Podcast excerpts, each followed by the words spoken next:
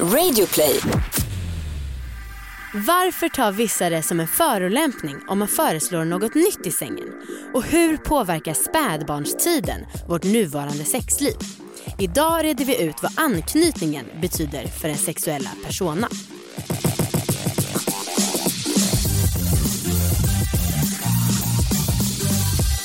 Hej allihopa och välkomna ska ni vara. Det är Anna Succépodden Anna Ja men jag känner att det är liksom varenda gång är det en, ett ord mindre som jag får säga. I början var det så här, det här sa jag, det här är en podd som handlar om sex, sexualitet och att äga sina val. Vi heter, nu har du börjat, jag får säga två ord.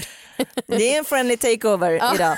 ja verkligen, det är ju bättre än en hostile takeover. Välkomna ska ni vara till succépodden Alla våra ligg. Jag heter Anna, du heter Amanda och det här är en podd om sex, sexualitet och om att äga sina val.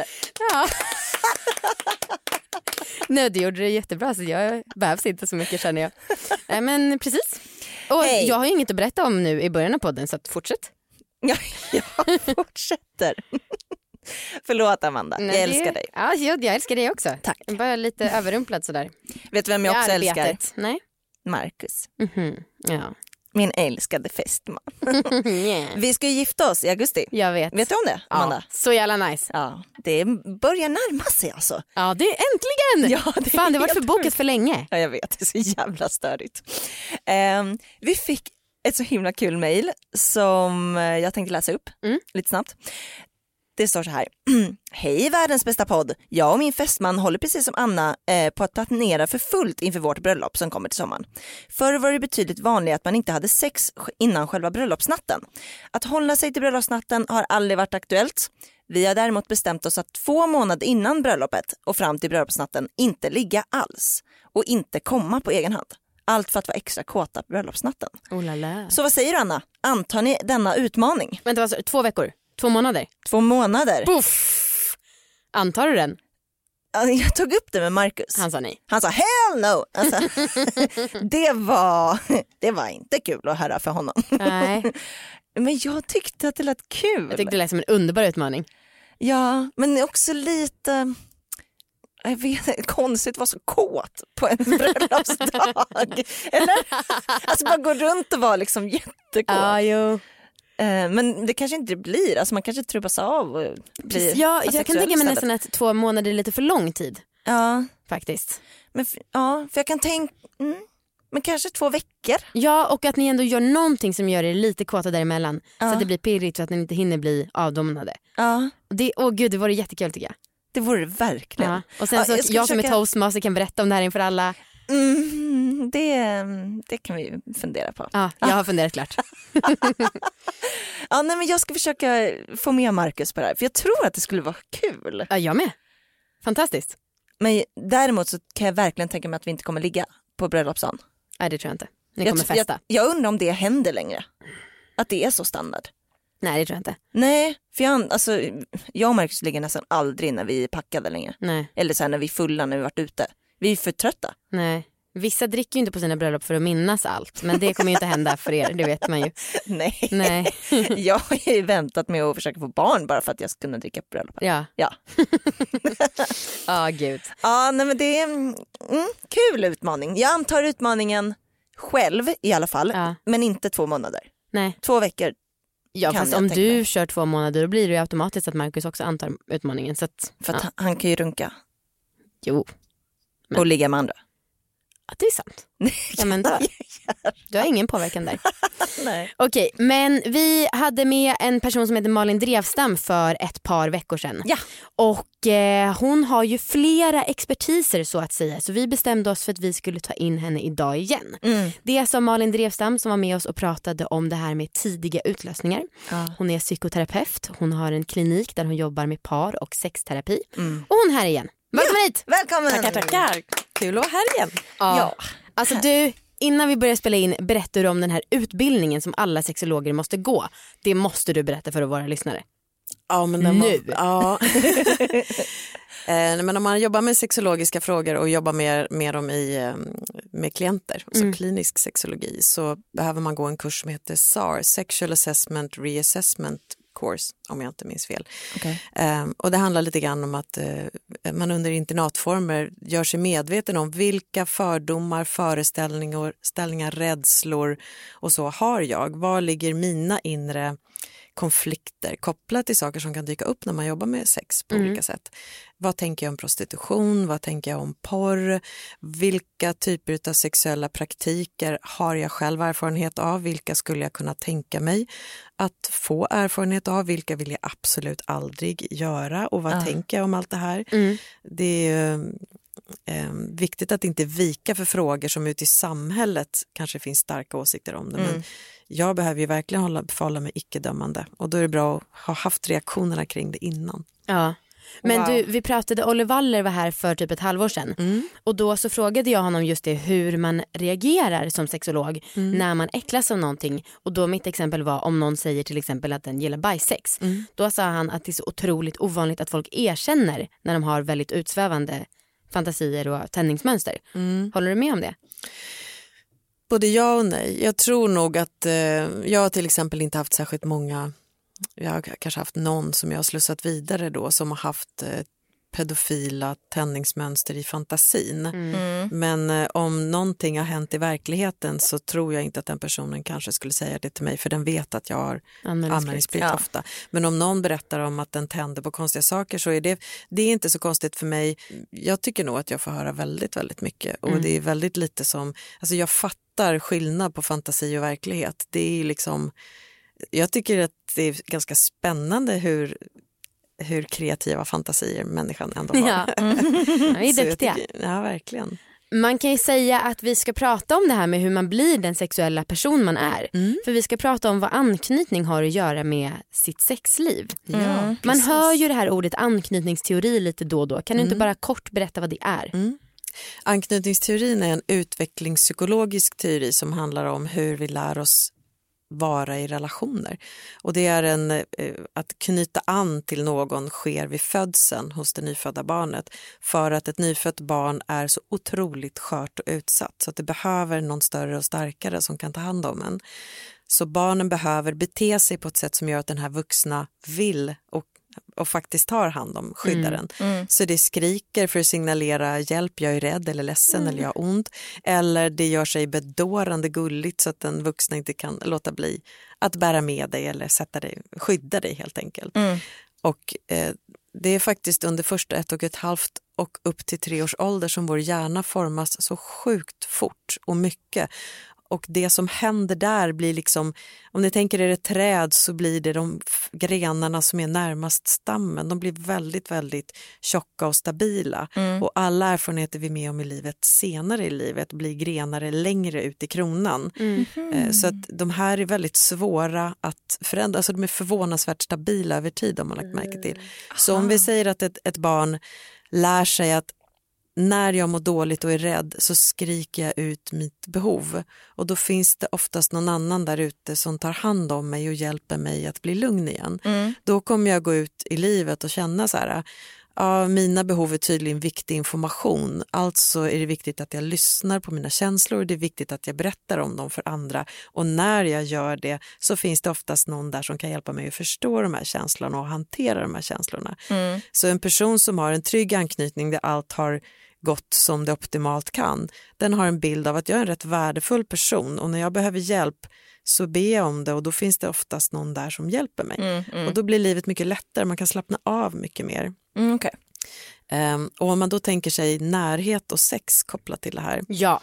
så eh, är det så att ett, ett barn då som har fått den här närheten, om ni tänker er ett litet barn som är nyfött, det kan inte se mer än kanske 20 centimeter till en början.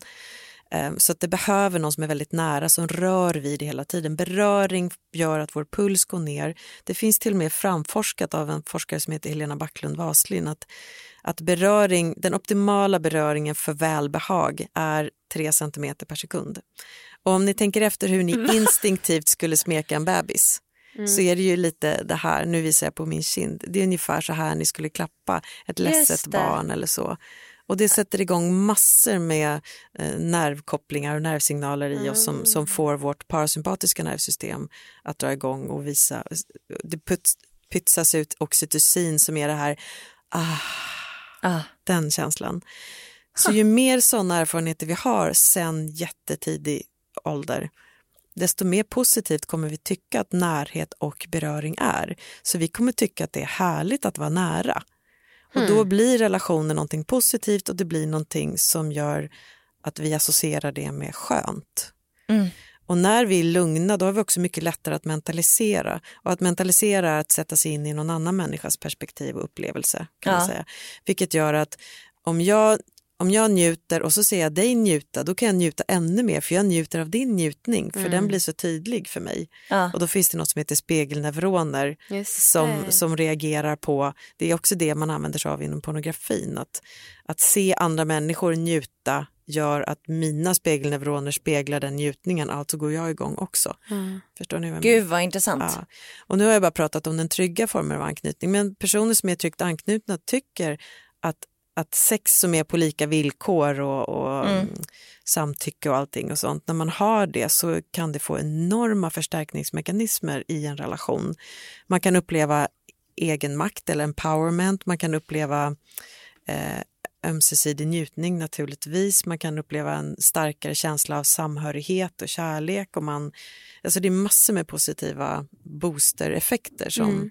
som sex kan ha.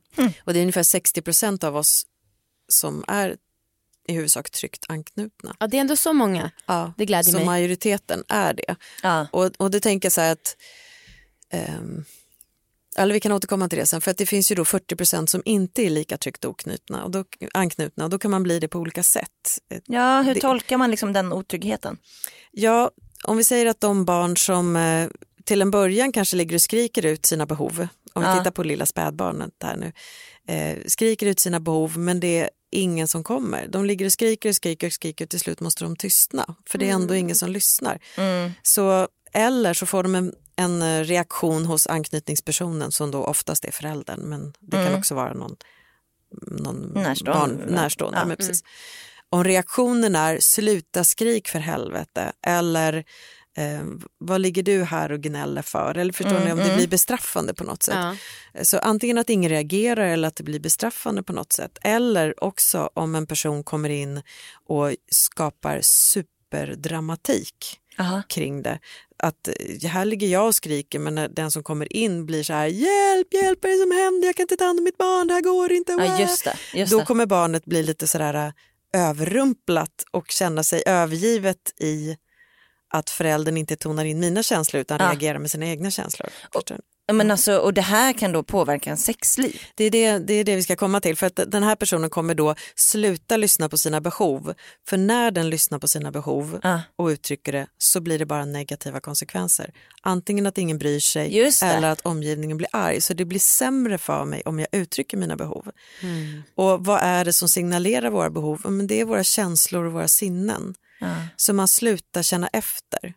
Och slutar man att känna efter så betyder det att du både kanske hittar njutning sämre i dig själv för du känner inte efter. Alltså du får inte det här känslomässiga Mm. värdet som jag pratade om förut med ömsesidighet och kärlekskänslor och så utan det blir mer någon slags mekanisk Ja. njutning i kroppen. Och du tycker att närhet ofta leder till besvikelser. Att det är så här, nej, det Nej. kan bli lite klängigt, kladdigt, lite invaderande. Jag klarar mig bäst själv. När jag visar mig behövande, det då leder det inte till något vidare gott. Så, att, Hmm. så det kan göra att man, blir, att man får lite lägre, man reagerar sämre på sexuella signaler för man märker inte att man blir upphetsad för man har aldrig varit där och varit närvarande i sin upphetsning till exempel. Ah, shit. Så man kan ha svårare till lust helt enkelt. Ja. Ehm, Det, här, det här är jättebra för, eh, jag tänker dig Amanda, liksom med hela gra- gravid och liksom skaffa barn och så. Mm. Eh, det kan ju vara bra att tänka på att behandla ditt barn bra så att den får ett bra sexliv. Just det. Tack för tipset, Anna. Aldrig tänkt på. Långsiktig Nej. konsekvens. Snart startar vår stora färgfest med fantastiska erbjudanden för dig som ska måla om. Kom in så förverkligar vi ditt projekt på Nordsjö Idé och Design.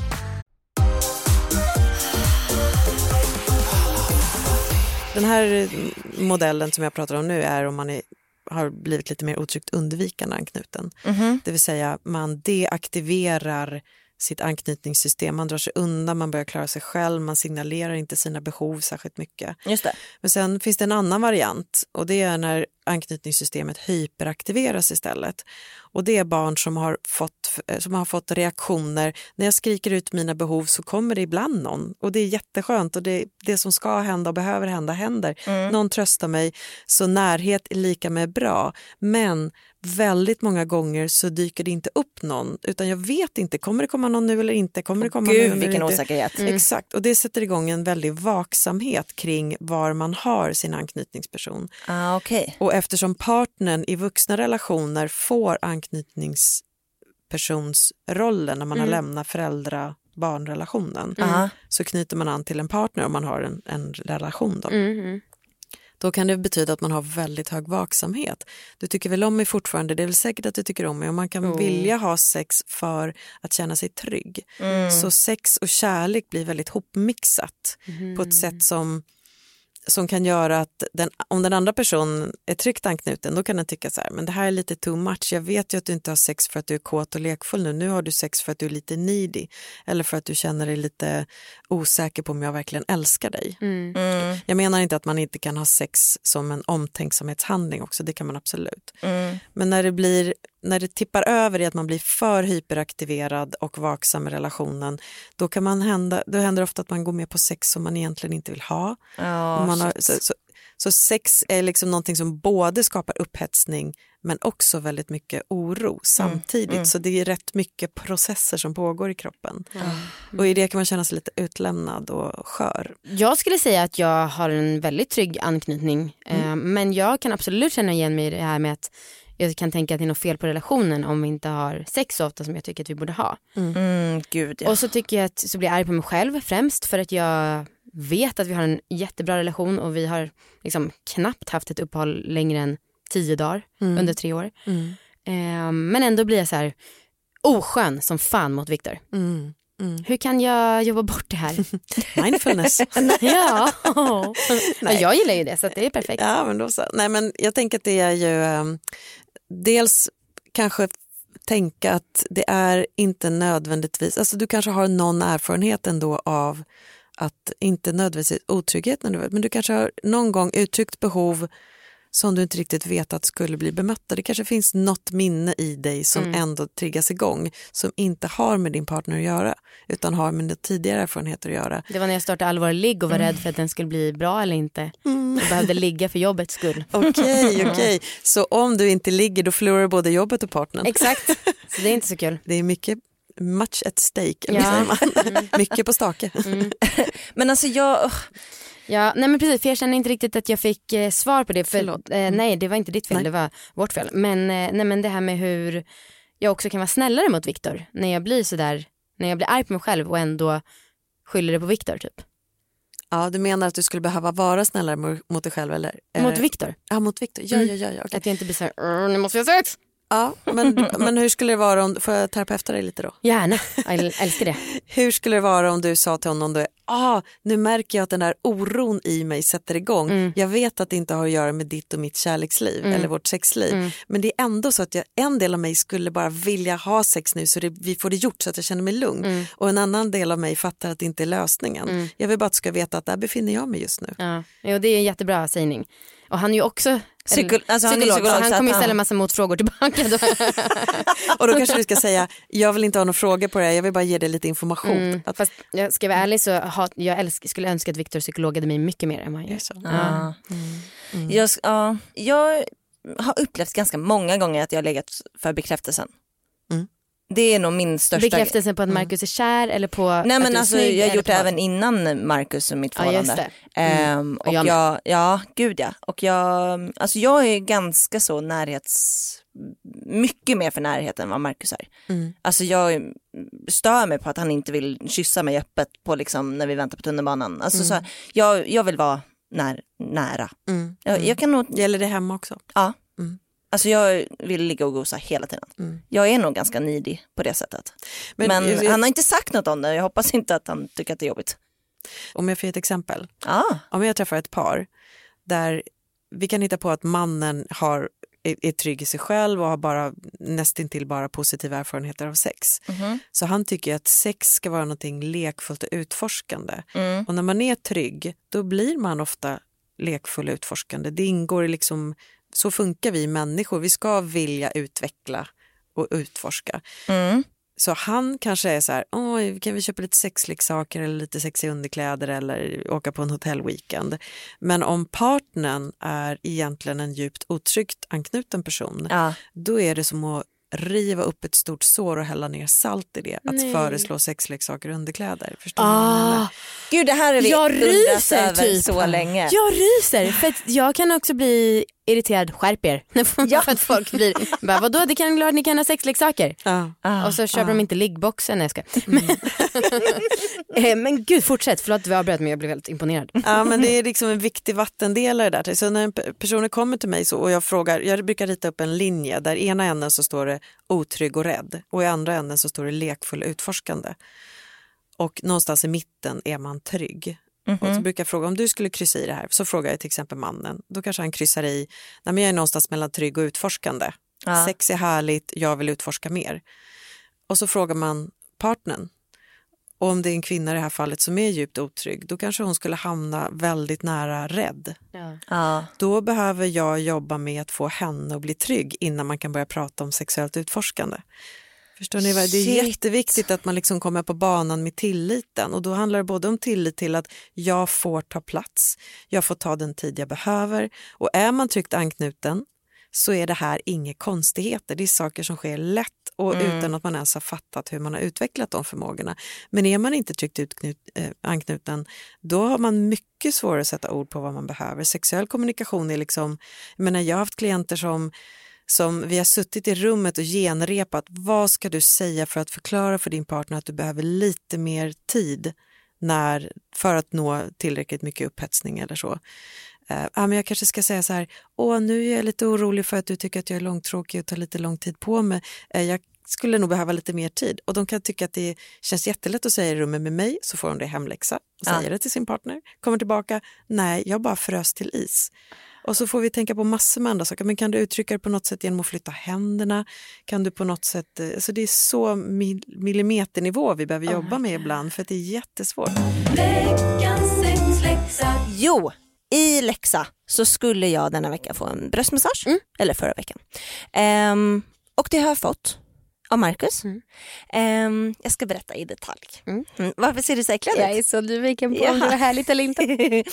Ehm, jo, men jag hade förberett, Marcus var i duschen, så jag hade förberett, jag hade lagt en handduk på sängen och så hade jag lagt upp massa olika typ glidmedel och oljor så att han skulle liksom få välja vad Mm. han skulle få göra med mig. Eh, ja, vanligtvis så brukar jag mest lägga fram vad jag tycker att vi ska ha typ. Eh, men nu hade jag lagt fram hela utbudet. Och eh, då så kom han ut och jag hade liksom lagt mig under täcket och, så sa, och då hade jag sagt till honom innan att han skulle ge mig bröstmassage. Han var väldigt peppad. Han är ju sån. Ja, han älskar dina bröst. Ja. Eh, han är, varje gång man ser på tv och det kommer bröst så säger han boobs. Men han är så inspirerad av Barney alltså. Seriöst. Ja. Eh, nej men så låg jag där. Jag blev faktiskt inspirerad av dig Amanda. För du hade sagt att du kände dig väldigt sexig när du bara låg helt naken. Liksom rakt upp och ner. Precis. Eh, och då tänkte jag, det här ska jag också testa. Ja. Bara ligga helt avslappnad liksom på rygg. Kände mig faktiskt riktigt sexig. Vad härligt. Ja, det var faktiskt väldigt Ja. härligt. Ehm, Och jag kan tänka mig att Marcus gav dig långt mycket mer bekräftelse än vad Viktor ger mig. mm, Att han skulle bara åh, åh, åh, åh. ja, jo, det gjorde han. Eh, men om jag ska vara ärlig, bröstmassagen var inte så bra. Alltså, Marcus har gjort bättre Okej. för sig tidigare. Så det var han det var fel på, inte Mm, ja. dina känsel. Nej men jag vet inte, han gjorde mycket liksom, nu visar jag med henne, men han gjorde liksom mycket så knåda som var liksom, Mm. nej men så, alltså nu låter det väldigt osexigt men det Ja. var ganska sexigt. Ehm, men jag tyckte kanske inte att det kändes så jättemycket för jag brukar liksom ha, om jag ska ha det gött med mina bröstvårtor, om jag ska typ vara nära på att komma Mhm. så behöver jag vibration på bröstvårtorna. Så pass. Mm, Aha. eller det är liksom inte så, det är inte jag gör inte så mycket för känslan om man bara knådar mina bröst. Det, jag kan tycka att det är sexigt Ja. men det är, det, jag kommer inte komma av det. Men nej precis men det var ett väldigt högt satt mål tycker jag. ja. eh, nej, men jag tyckte att det var väldigt hett och eh, Marcus eh, använde en olja som heter Nuroolja. Just det, Eh, bra. som jag är ville liksom... att du skulle säga det. Så att det skulle bli reklam. Ja just det, men låt mig berätta för Mm. Ehm, Den är liksom ganska lätt den olja- oljan, den är inte så tjock liksom. Ehm, och det gör liksom, ja det blev väldigt glidigt och det var väldigt härligt. Ehm, och sen så typ hällde han varmt vatten över mig och det, jag, jag är ju en sån som gillar Mm. vätskor. Eh, så det var väldigt sexigt. Men eh, det var lite tråkigt att jag inte kom. Men vad fan, sjukt att, sjukt att tänka att du skulle Ja göra men det. jag kanske hade lite för höga förväntningar. Låg ni sen? Ja, ja klart. Ja, ja, ja, klart. Ja. Ble, var han, blev han kåt? Ja, det blev han. Ja. Eller? Jo. Nej men fan jag blev osäker. Jo men han blev kåt. Men han kanske inte var liksom ashård. Nej, Typ. svikare. Mm. men eh, absolut, båda vi blev kåta och vi låg sen och då var allting frid och fröjd. Skönt. Ehm, ja. Men eh, ja, som sagt, reklam för den här Nuru-oljan. Eller? Ja, eller liggboxen eftersom att Nurooljan var med där. Exakt. Ehm, den här Nuru-grejen, jag tror att vi har pratat om det innan. Du har ju haft en hel Nuru-oljemassage, ja ja ja. Ja, Där du har kört på. ja precis. Och det är har- ju när man masserar någon med sin egen kropp. Ja. Och det är liksom en lättare form av eh, massageolja typ. Mm. Ehm, ja, den är, är otroligt nice tycker jag. Eh, skithärlig. Och Mm. den finns ju med i senaste liggboxen. Ja och den skickades ju ut förra veckan va? Mm. Och därför, vi har inte pratat om den och vi brukar alltid prata när boxen skickas ut så därför tänkte vi bara säga lite snabbt nu vad som var i om någon vill köpa den. Just det, för den finns fortfarande i lager. Mm. Ehm, I, kanske några dagar till. Mm. Det tar ju slut ganska snabbt. Ehm, ja, det är då den här Nuroljan som är otrolig, min liksom, favoritmassageolja, Mm. helt klart. Ehm, sen så finns det också två stycken geisha-kulor Jajamän. som är din favorit. Amanda. Ja som jag tycker är nice för de kan man ha i sig när man har sex och då blir det lite som akupunktur, nej akupressur i Mm. fittan och också det blir lite tryck mot penis, det blir lite tajtare och så. Mm. Och så kan man ha dem som knipkulor så det tycker jag är nice. Mm. Här vill jag bara säga, för att jag har ju berättat i podden att jag fick panik när jag använde de här. För att de inte åkte ut. Ja. Och jag var rädd för att, "Äh, vad ska hända? Och det är några som har frågat på Instagram, Ja. eh, typ vad, det var någon som frågade vad finns egentligen i fittan?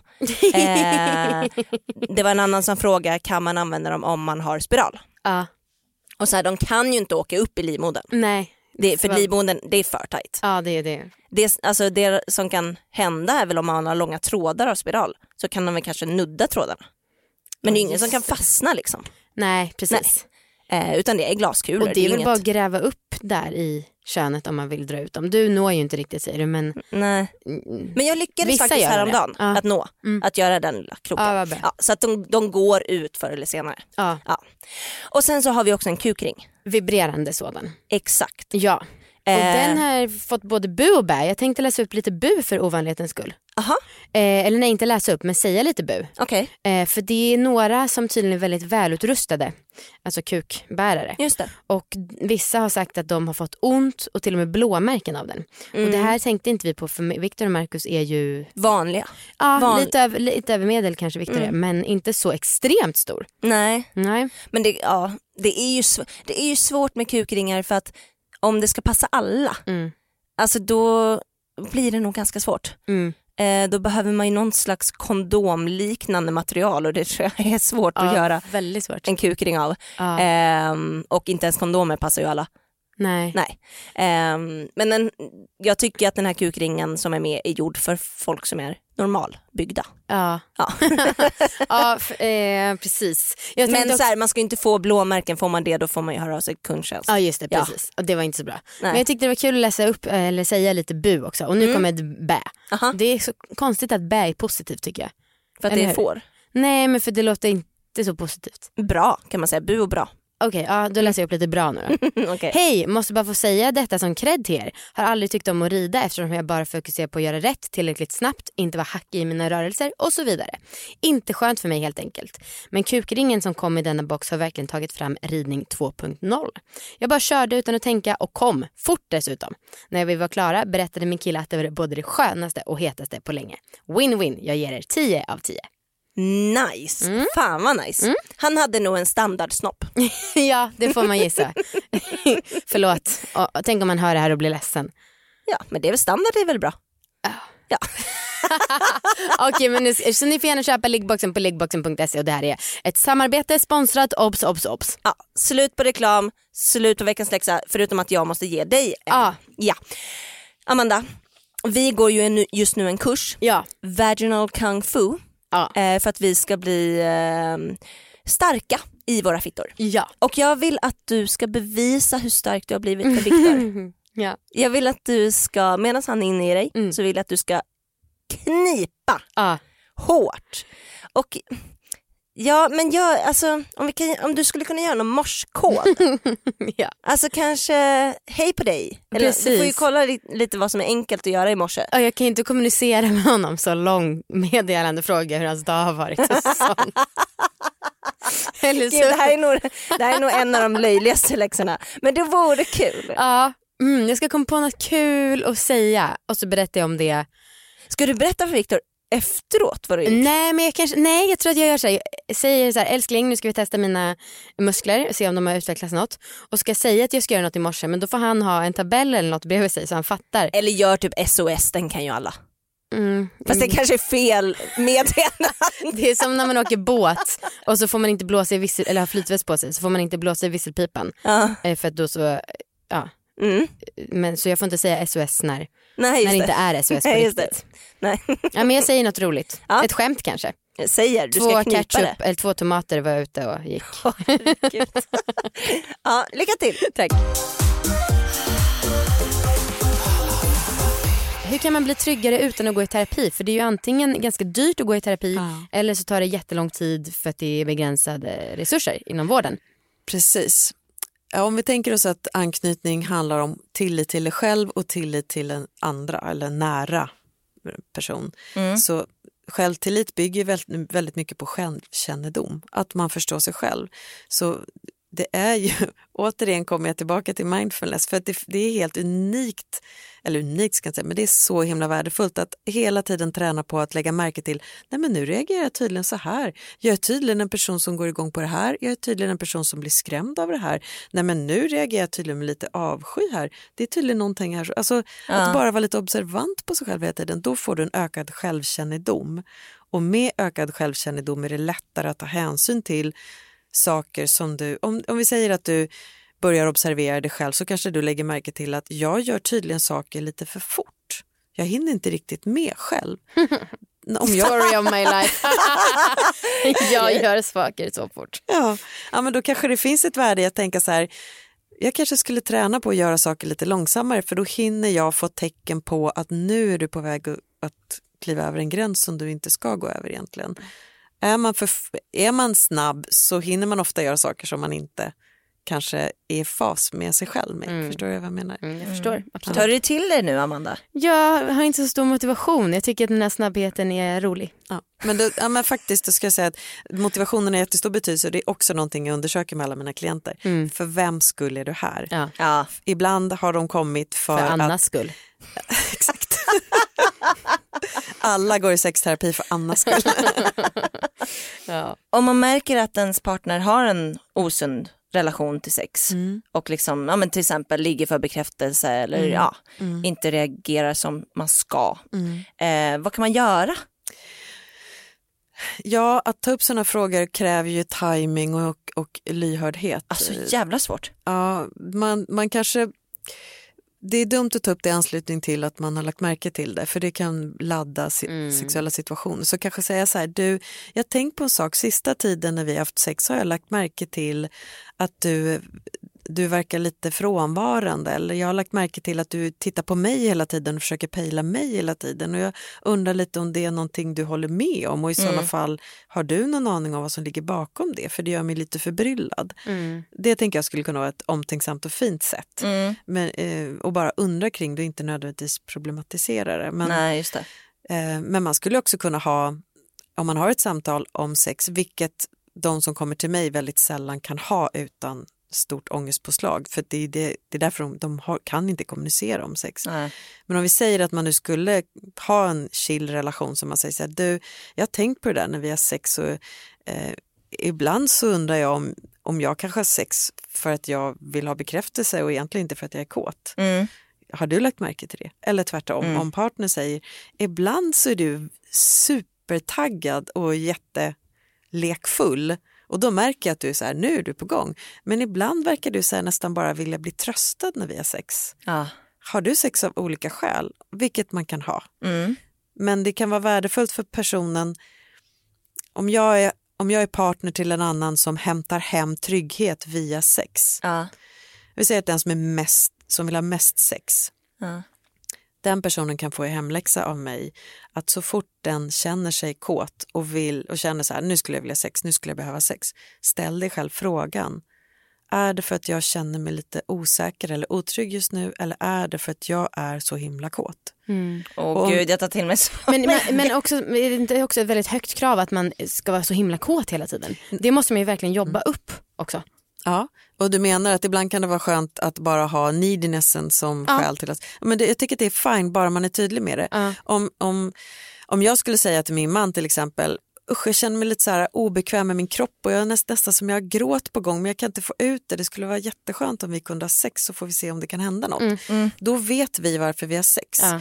och, och det blir inte massor med konstiga missförstånd. Nej. Mm. Så, att, så att man inte liksom har sex av, av, av skäl, om den andra är så här, men du var ju jättekåt förut. Nej, vi hade sex lika många gånger för att jag var rädd och ledsen. Det, men du precis. fattade inte det utan du trodde att jag varit en Amazon Ja men gud, just det. sexmaskin. Mm. Eller som jag sa till Markus häromdagen när vi skulle ha sex så är jag så här, Markus jag hoppas inte att du blir ledsen men jag skulle verkligen vilja ha sex ikväll för jag måste göra det för, på grund av jobbet. Exakt, men det är väl fine. Då kan han välja att säga ja eller nej, men då vet han villkoren. Ja. För, men ibland så uppstår missförstånd när en person tror nu har vi sex av kåthet Ja. och den andra har inte det. Och det är fine att ha sex av andra skäl, men det är viktigt också att kunna vara lite transparent kring det. Ja.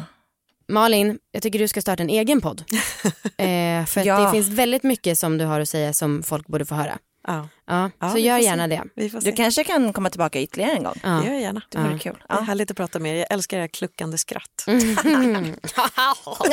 eh, Okej, vad har vi tagit med oss från idag? Mindfulness, vill jag säga. Återigen. Mm. Men Kan inte få förtydliga en sak om mindfulness? Jo. Om man är en person som är hyperaktiverande, alltså man går upp i spinn och blir vaksam, Mm. då kan man använda mindfulness för att lägga märke till sina känslor och eh, separera sig själv från sina känslor. Alltså, nu märker jag att jag känner mig ledsen en stund eh, och nu kommer jag sitta med den ledsenheten och så är det. Mm. Eh, men om man är mindfulness kan man använda på det andra sättet om man är otryggt undvikande, alltså man deaktiverar sig kopplat till närhet. Att så här, kan jag känna efter lite mer nu? Kan jag lägga märke till lite mer? Finns det något härligt här som jag missar? Kan det vara så att mitt kön signalerar massor med sexuella signaler som jag bara inte uppmärksammar? Så man kan an- använda medveten närvaro på olika sätt beroende på vilka behov man har. Det var bara det jag ville säga. Bra. Har du något orgasmtips igen? Just det, ja det har jag. Eh, och då har jag, eh, det, ja, det enklaste är väl egentligen yoni-ägg. Ja. enklaste orgasmtipset Nej, men, nej, men jag tänker så att, ha, att, att, att onanera med ett yoni-ägg i sig gör att din känslighet i, och närvaro i underlivet Mm. ökar så himla mycket och det kan förstärka njutningen väldigt mycket. Så yoni-ägget det har ju liksom ingen så vibrerande eller masserande funktion men bara att det är närvarande Mm. där förstärker väldigt mycket. Så att, eh, ha gärna orgasm med yoni-ägg i dig om du är kvinna. Kul. Wow. Tack för att ni har lyssnat och tack för att du kom igen Malin. Det Ja. finns på malindrevstam.se. Yes. Puss! Okej, hej då.